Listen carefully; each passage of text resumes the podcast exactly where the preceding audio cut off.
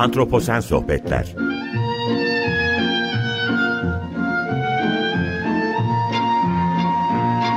Hazırlayan ve sunan Utku Perktaş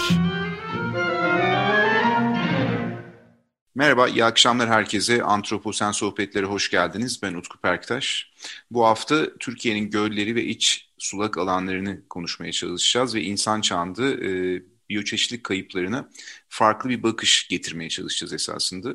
Şimdi e, genel olarak Türkiye'ye baktığımızda aslında dünyaya baktığımızda sulama yöntemleri, değişen tarımsal uygulamalar, kuraklık ve değişen yağış rejimi sebebiyle göllerimiz sularını kaybediyor. Dünyada birçok gölde e, zannediyorum bu tarz sıkıntılarla karşı karşıya kalabiliyor.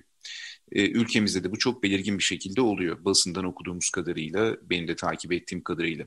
Su seviyesi düşüp derinlik azaldıkça buharlaşma tetikleniyor ve raporlar genellikle Türkiye'nin göllerinden e, göllerinin yarıdan fazlasını e, kaybettiğini gösteriyor. Ve yine e, yaptığım okumalardan elde ettiğim bilgiler doğrultusunda Türkiye'de bulunan 300'e yakın irili ufaklı doğal gölün yaklaşık %60'ı da kurumuş durumda. Kuraklıkta e, önemli bir problem olarak aslında karşımızda. E, bir sonraki pandemi sanki dünyada kuraklık olacakmış diye de söyleniyor. E, ben de buna bir miktar inanıyorum e, ama bakalım ne olacak. Şimdi birkaç ay önce koronavirüs gündemi e, arasında e, kaybolup giden bir veriydi aslında bu 300'e yakın irili ufaklı gölün %60'ının kuruduğu e, ve bu anlamda aslında ülke olarak da belli ölçüde e, hem kuraklığı dikkate almamız gerekiyor hem de suyu nasıl kullanacağımızı dikkate almamız gerekiyor. Çünkü bu biyoçeşitliliğe de zarar veriyor ve biyoçeşitlilik krizi içindeyiz aynı zamanda ve biyoçeşitlilik kayıplarını telafi etme şansımız yok. E, ülkemiz sadece hani iç sulak alanlar olarak baktığımızda tatlı su gölleri anlamında değil ama sulak alanlar anlamında da oldukça zengin bir coğrafya ve bizim sahip olduğumuz biyoçeşitlilikte bu anlamda e, önemli ölçüde tehdit altında. Şimdi bugün Türkiye'deki gölleri, göllerin karşı karşıya olduğu problemleri, yine sulak alanları Orta Doğu Teknik Üniversitesi Biyoloji Bölümünden Profesör Doktor Meryem Beklioğlu ile konuşacağız. Meryem Hocam hoş geldiniz. Davetimi kabul ettiğiniz çok teşekkür ediyorum. Ben teşekkür ederim Utku Hocam. Bu e, anlamlı ve önemli sohbete beni benim için de yer ayırdığınız için teşekkür Hocam ederim. ne demek çok sevindim eksik olmayın. Hocam şimdi ilk soruya geçmeden önce çok kısa sizi tanıma şansımız olur mu acaba? Ee... Hı hı. Ee, ben ODTÜ Biyolojik Bilimler Bölümünde öğretim üyesiyim. Ee, aynı zamanda e, üniversitemizde kurulan, ben de kurucusu olduğum evet. kurucu, e, Ekosistem Uygulama ve Araştırma Merkezi'nde öğretim üyesi ve başkanlığını yürütüyorum. E, benim araştırma alanım e, küresel değişimlerin göl ekosistemlerine etkilerini anlamak ve e, bu etkileri anladıktan sonra da uyum ve restorasyon önlemleri e, üzerinde araştırmalar yapmak. E, çoğunlukla çalıştığım göller e, sığ göller. E, bunlar ekolojik açıdan biyoçeşitlilik e, sıcak noktaları. Aynı zamanda son zamanlarda da e, gölcükler üzerinde çalışmaya başladım. Onlar da keza aynı durumda biyoçeşitlilik ve sistem hizmetleri açısından sıcak e, noktalar olarak değerlendiriliyor ve aynı zamanda da küresel ısınmanın etkilerini azaltma ve uyumda da potansiyel e, olabilecekleri üzerine e, araştırmalarımızı yürütüyoruz. Ee, başka ne ekleyebilirim? Bu kadar yeterli mi Utku? Tabii tabii hocam. Çok kısaca hani e, sizin yaptıklarınız ölçeğinde ben sizi de hani dinleyicilerimizin tanımasını istedim. Çünkü önemli çalışmalar yapıyorsunuz esasında. Ben de takip ettiğim kadarıyla laboratuvarınızdan çok güzel makaleler, araştırma makaleleri çıkıyor. E, hocam şimdi hazır siz de böyle söylemişken ben ilk soruya geçmek istiyorum. Ee, Türkiye iç sularını düşündüğümüzde yani iç sularımız dediğimizde nasıl bir varlığımız var? Yani sadece göller değil tabii iç sulak alanlarımızda düşündüğümüz zaman e, Orta Doğu'da dikkat çeken bir coğrafya mıyız biz? E, aslında e, bulunduğumuz coğrafya bizim hidrolojik, ekolojik ve biyoçeşitlik açısından çok e, enteresan bir coğrafya. Yani evet. güneye indiğimizde daha kurak e, bölgeler ama e, aynı, e, daha doğuya gittiğimizde yine kuraklığın arttığı bölgeler var. Ama daha kuzeye ve daha e, batıya gittiğimizde de e, daha e, ıslak yerlerin veya yağışların daha fazla olduğu bir yerdeyiz. Bu böyle üç kıta arasında kalmış, üç kıtadan gelen etkilere de maruz kalan enteresan bir coğrafyada biz aslında su kısıtlı bir ülke sayılabiliriz. Kişi başına düşen su miktarına baktığımızda 1300 metreküp civarında yıl boyunca bir, bir ülkenin su zengini olabilmesi için herhalde 10 bin bu 10 bin metreküp bir eşik olarak kullanılıyor. Fakat e, önümüzdeki nüfus projeksiyonlarıyla bu miktarın e, mesela 2030'lara geldiğinde e, bin metreküplere düşmesi de bekleniyor. E, evet. Derelere e, ve göllere baktığımızda biz Akdeniz e, Akdeniz havzasında yani tüm Akdeniz'i kuşaklayan ülkelerde göller açısından aslında çok zenginiz. E, gölcükler açısından da küçük gölcükler ve nehir havzaları açısından da 25 tane nehir havzamız var ve bunların toplam 186 milyar e, metreküp su potansiyeli var. Sizin de söylediğiniz gibi 300'ün üzerinde doğal göl, e, 800'den fazla da baraj gölü var. Ve gölcüklerimizin sayısını bilmiyoruz. Çünkü bunların bir kısmı geçici, bir kısmı kalıcı, farklı hidroperiyotlarda olan. E, bunu Akdeniz Havzası'ndaki ülkelerin mesela İtalya'ya, evet. Yunanistan'a, e, İspanya'ya baktığımızda biz göller açısından çok zenginiz. Benim de araştırma konusu oldu ama aynı zamanda da başta da söylediğim gibi yani yüzde altmışını kaybetmiş olmak gibi çok acıklı bir tabloyla da yüz yüzeyiz maalesef. Hocam peki yeni gölleri keşfediyor muyuz ya da hiç bilmediğimiz o gölcük dediğimiz ortamları ya da sizin şimdi biraz önce bahsettiğiniz hiç görmeden kaybettiklerimiz oluyor mu şimdi bu küresel ısınma evet, döneminde? Evet. O kesinlikle olduğuna eminim. E, göller yine bir şekilde e, kayıtları var ama bu gölcükler e, iki hektardan küçük, derinliği de 8 metreden büyük olmayan, hmm. işte su içi bitkilerinin ve su dışındaki sazlıkların zengin olduğu ve biyoçeşitlilik odağı olan bölgeler olarak geçiyor. E, bakanlığımızın Sulak Alanlar Dairesi'nin yaptığı e, bir envanter çalışması var e, gölcüklerle ilgili. Buna baktığımızda sayısı e, inanılmaz. O kadar çok ki. Ancak e, arazide baktığımızda birçoğunu göremiyoruz. Çünkü bunlar yüzey alanı su derinliğine göre daha e, geniş olduğu için e, hızlıca kuruyabilen sistemler. E, ve e, yani kuruduktan sonra da bizde çok hızlı bir şekilde hemen tarıma açılabiliyor alanlar. E, biz mesela e, şimdi yeni bir AB'den desteklenen proje e, ismi de çok güzel bir ismi var. Ponderful. Pond ve Wonderful'dan birleşen. Çok güzelmiş. E, e, bu kapsamda şeye bakıyoruz. E, gölcüklerin e, e, bulundukları ekolojik ve biyoçeşitlilik durumuna göre küresel e, ısınmanın etkilerini özellikle de sera gazını tutma etkideki etkilerini yani rollerine bakıyoruz. Yani ne kadar azaltma etkisi var ve ne kadar uyumda bunu kullanabiliriz evet. ve bu etkiyi artıracak nasıl yeni e, pontlar, küçük gölcükler oluşturabiliriz restoratif anlamda Evet bu kapsamda İmrahor Vadisi'nde mesela hiç bildiği, bilmediğim küçük e, ki bu Ankara burnumuzun dibinde evet, yani. Evet. Emir'in çıkışından Mamak'a kadar olan bölgede hiç daha önce varlığını bilmediğim ve kaydı olmayan yeni küçük gölcükler keşfettik. Aynı şekilde e, e, şeyde e, Güdül etrafında e, hatta Güdül'de yaşayan insanlar e, arazi yapısı itibariyle hayvancılıkla geçiniyorlar ve hayvanlarını sulamak için orada bir gelenek yüzyıllar öncesine giden ta Osmanlı yani Cumhuriyet öncesi döneme giden e, gölcük oluşturma geleneği var ve orada gölcüklerin kenarlarını taşla e, örmüşler. Tabii bu biyoçeşitlilik kaybını e, azaltıyor.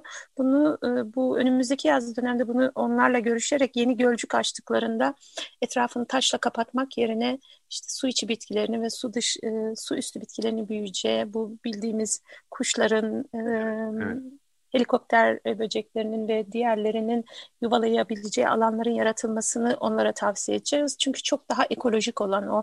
Ekolojik olduğunda da yani oradaki o e, su içi bitkisi biyokütlesi aslında karbonu tutan ve karbonun atmosfere ulaşmasını engelleyen çok önemli bir faktör. Yani bu da etkinin sera gazı salınım etkisini azaltacak bir e, önlem bu anlamda.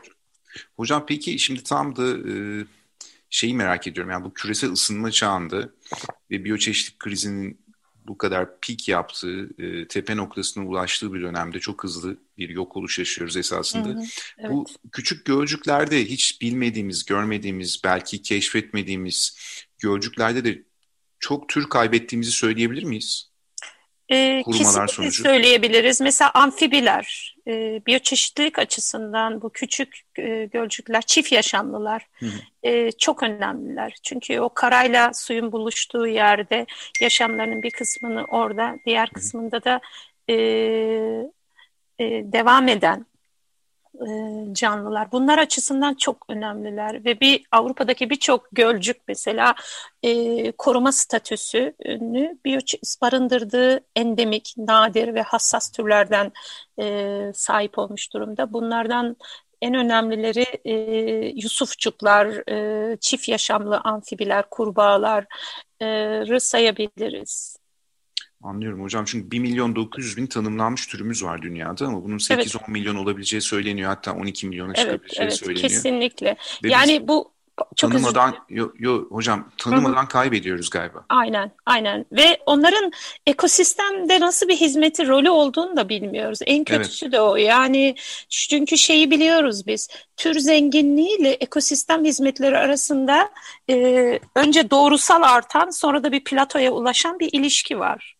Biz şimdi evet. bu doğrusal artışta nerede kesiyoruz, ne kadar türü azaltıyoruz ve bize nasıl bir kayıpla dönecek bu? Yani içtiğimiz suyun temiz olması, sulamada kullanılabilmesi, balık üretimi, iklimi değiştirmesi, hatta e, yangınları engellemede bile sulak alanlar. Çünkü havanın evet. nemini artırdığı için. Evet çok e, doğru.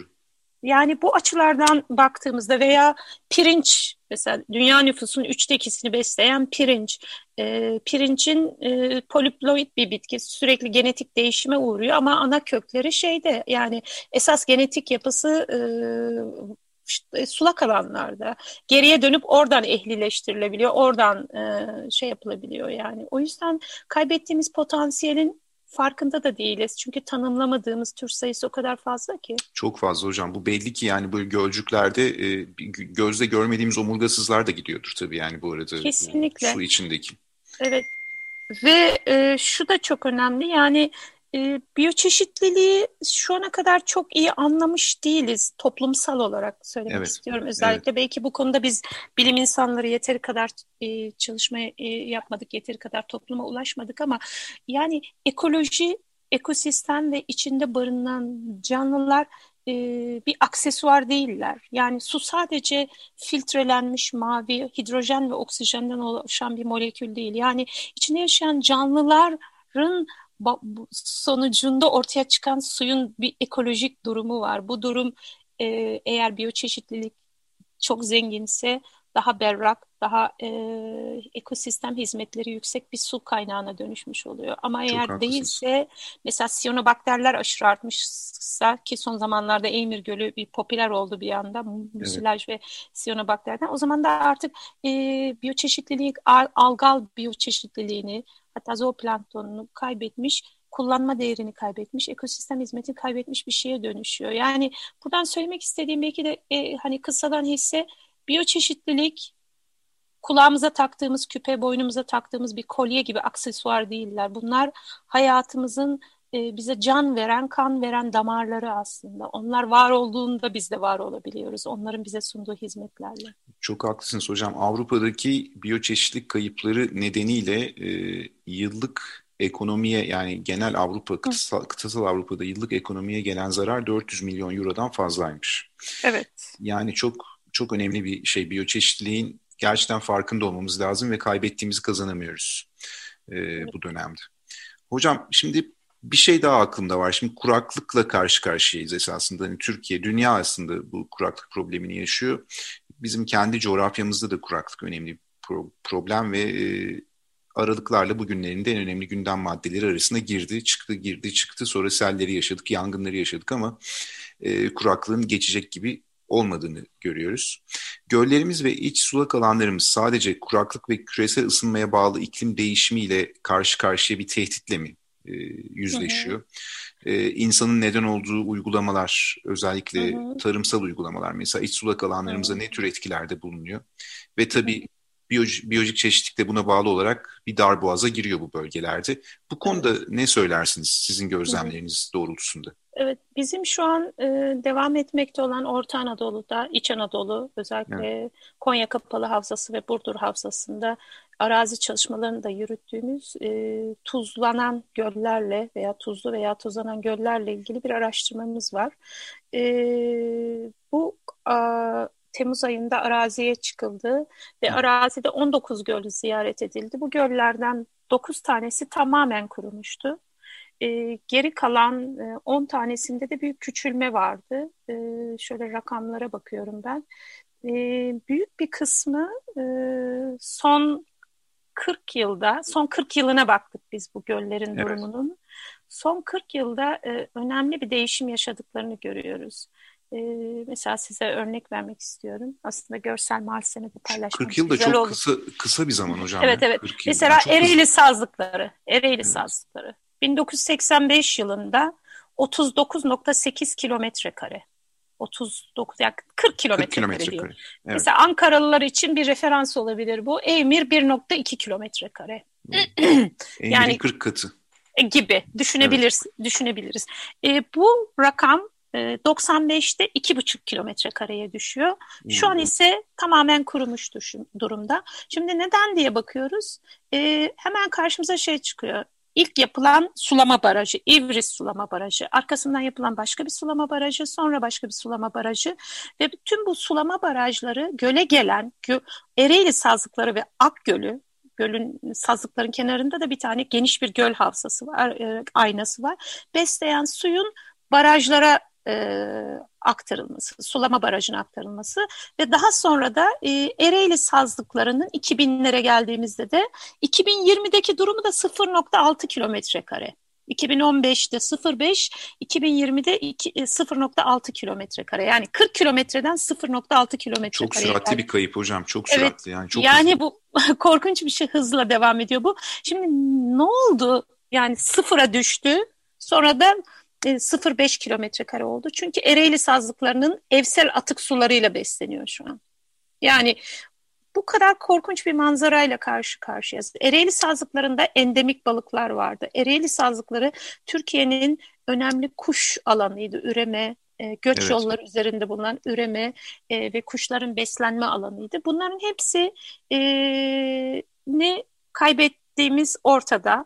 Şimdi e, bu sadece Ereğli sazlıkları değil. Yani diyeceksiniz ki sadece Ereğli sazlıkları mı? Bu Konya Kapalı Havzası'ndan bir örnekti. Mesela bakıyorum elimizdeki verilere. E, Bolluk Gölü. 1985'te 11.33 kilometre kare e, ve şu an için ise 8 kilometre kareye düşmüş. Bunlar e, Ağustos ayında çekilen her Ağustos ayındaki uydu verintileri, verileri kıyaslanarak elde edilmiş bilgiler. Evet. Meke Gölü mesela 85 yılında 0.48 kilometre kare. Biliyorsunuz bu çok ikonik bir göl. İki tane e, volkan konisinin iç içe oturduğu dünyada evet, nadir evet. bulunan mağar göllerinden bir tanesi. Şu an sıfır. Şu an yok bu göl.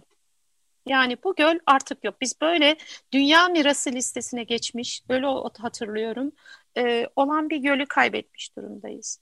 E, Burdur'a dönelim. Mesela Burdur Gölü. Bu Konya Kapalı Havzası'ndan da verdiğim örnekler. Burdur Gölü 1985 yılında 205 kilometre kare. Evet. Şimdi geldiğimizde 2020'ye geldiğimizde 123 kilometre kare. Çok çok hızlı düşüşler hocam. Peki. Yani neden diyeceksiniz? Niye? Evet. Buradaki e, yıllar arası değişimler olabilir. Biz çünkü yarı kurak Akdeniz iklim kuşağında yaşıyoruz. Bu, bunun en önemli özelliklerinden bir tanesi de 10 yıllık eskiden çok düzenli devam ediyordu küresel ısınmanın etkileri bu kadar artmadan önce. E, kurak ve ıslak periyotlarda olabiliyordu. Bu zaten bunların alanları böyle bir e, range içinde bir aralık içinde değişiyordu. Ancak bütün bu verilere baktığımızda bunu iklime ya da yarı kurak bir coğrafyada olduğumuza atfedemeyiz. Eğer edersek e, bir miyopluk içinde olup gerçek sorunu kaybedebiliriz. Biz e, bu proje kapsamında 2019 e, yılında 20 yılında araziye hiç çıkamadığımız için uydu verilerini inceledik. E, ODTÜ'den bu projede yer alan Zuhal Hoca ve ekibiyle birlikte Zuhal Akyürek Profesör Doktor e, ve şununla karşılaştık. Yani havzada e, yağışlarda bir ciddi bir değişim yok. Isınma 0.045 gibi.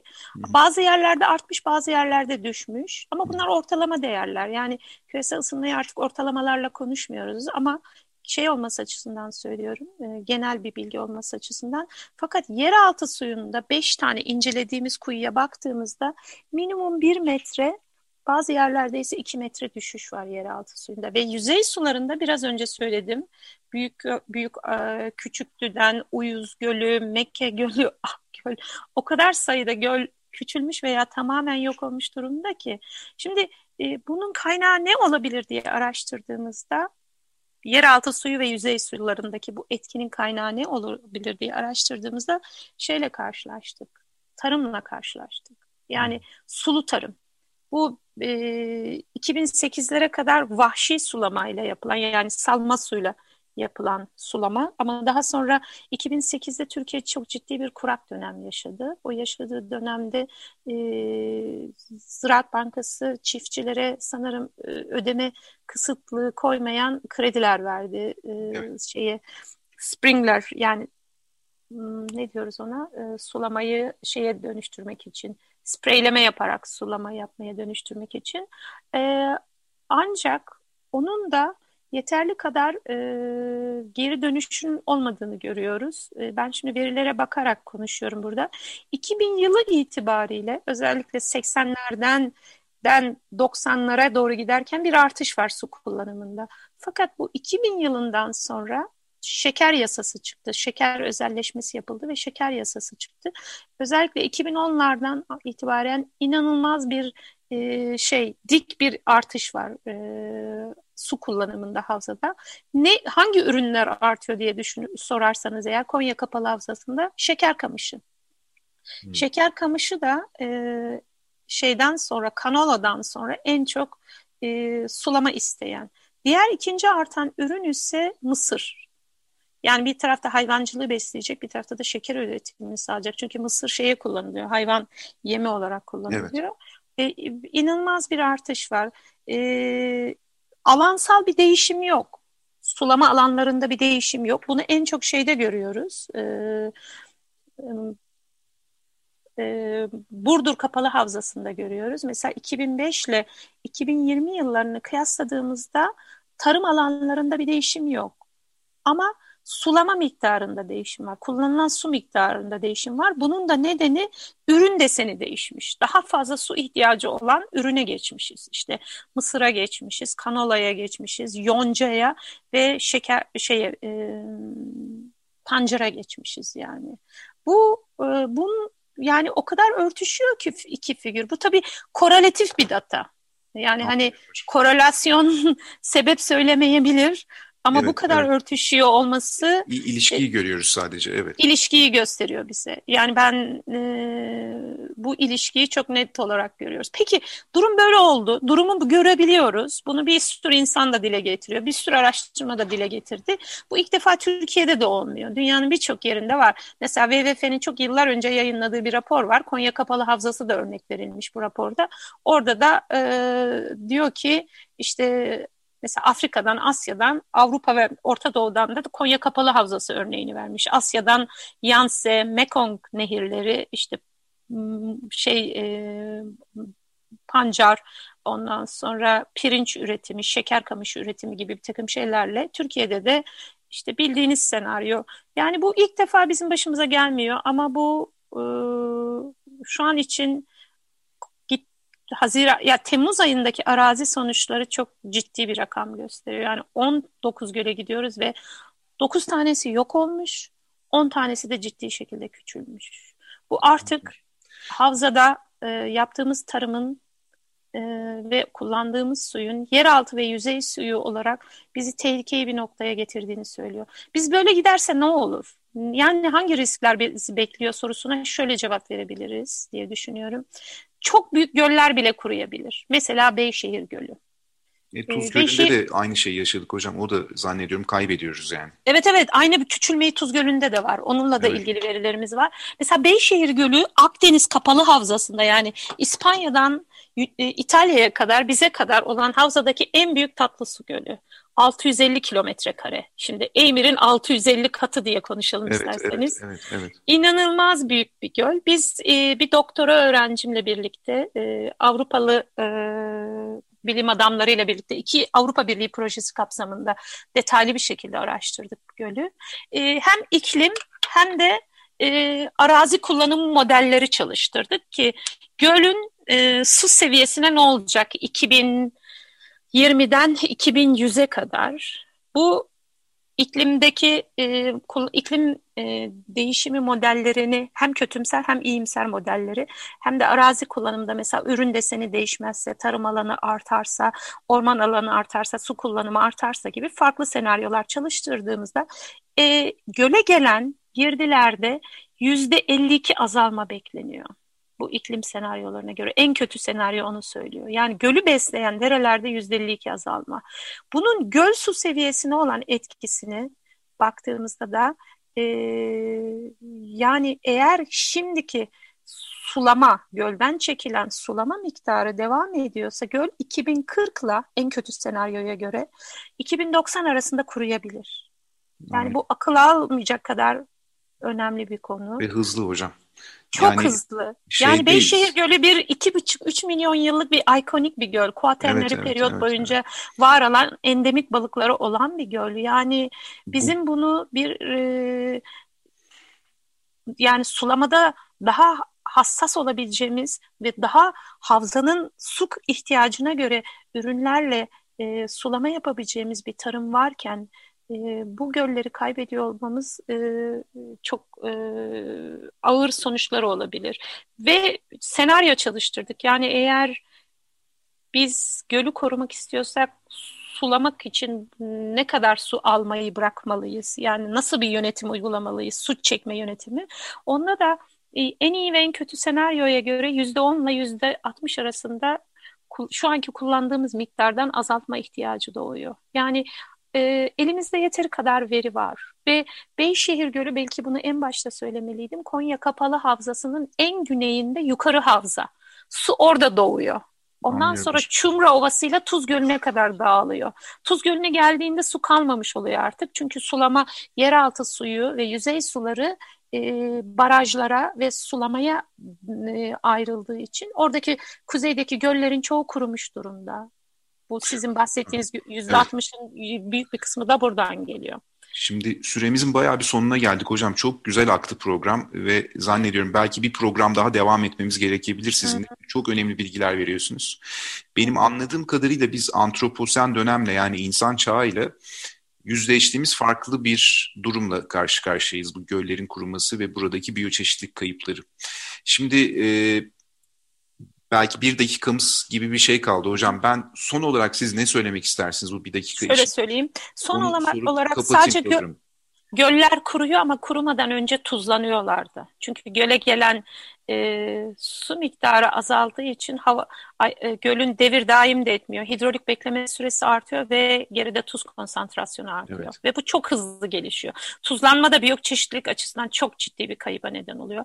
Ötrofikleşiyorlar azot fosforu artıyor. Çünkü iç dinamikler önemli olmaya başlıyor. Su hacmi azaldığı için de daha fazla azot fosfor oluyor ve bu da çok hızlı bir şekilde siyonobakter denen zehirli, toksik yani zehirli maddeler içeren e, bitkisel planktonların artmasına neden oluyor ki bu da zaten ekosistem hizmetlerini kaybetmiş anlamına geliyoruz. Anlıyorum hocam. Hocam çok yani, teşekkür ederim. Hı hı. Bu, ben de devam için. etmek isterim aslında. Daha Ama, bir çeşitliliğe e, gelemedik. Belki başka gelemedik. bir programda. Bir, bir program daha muhakkak yapmamız gerekecek. Hocam çok teşekkür ediyorum katıldığınız ben için. Teşekkür Süremizin ederim. sonuna geldik. Ben iyi akşamlar diliyorum size ve dinleyicilerimize de iyi akşamlar diliyorum. Haftaya Antroposen Sohbetler'de farklı bir konu, farklı bir konukla buluşmak üzere. Hoşçakalın.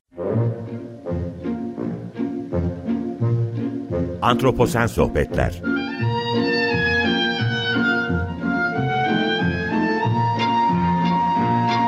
Hazırlayan ve sunan Utku Perktaş.